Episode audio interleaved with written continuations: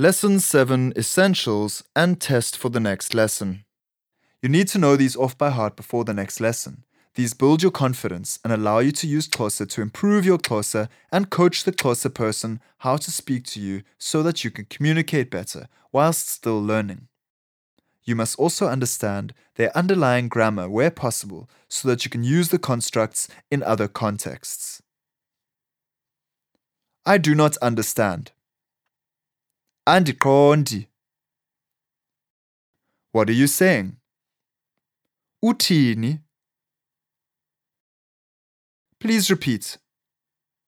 Khawuphinde. Don't go so fast. Sukukhawuleza. What is this? Yintoni le?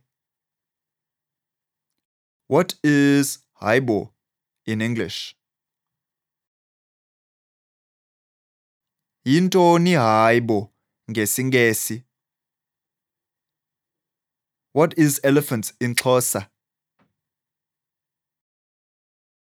Yintoni elephant ngesixhosa? Do you know how to speak Xhosa? Uyakwazi ukuthetha isiXhosa na? Yes, I know how to. Eh, Ewe ndiyakwazi. No, I don't know how to. Hayi, andikwazi.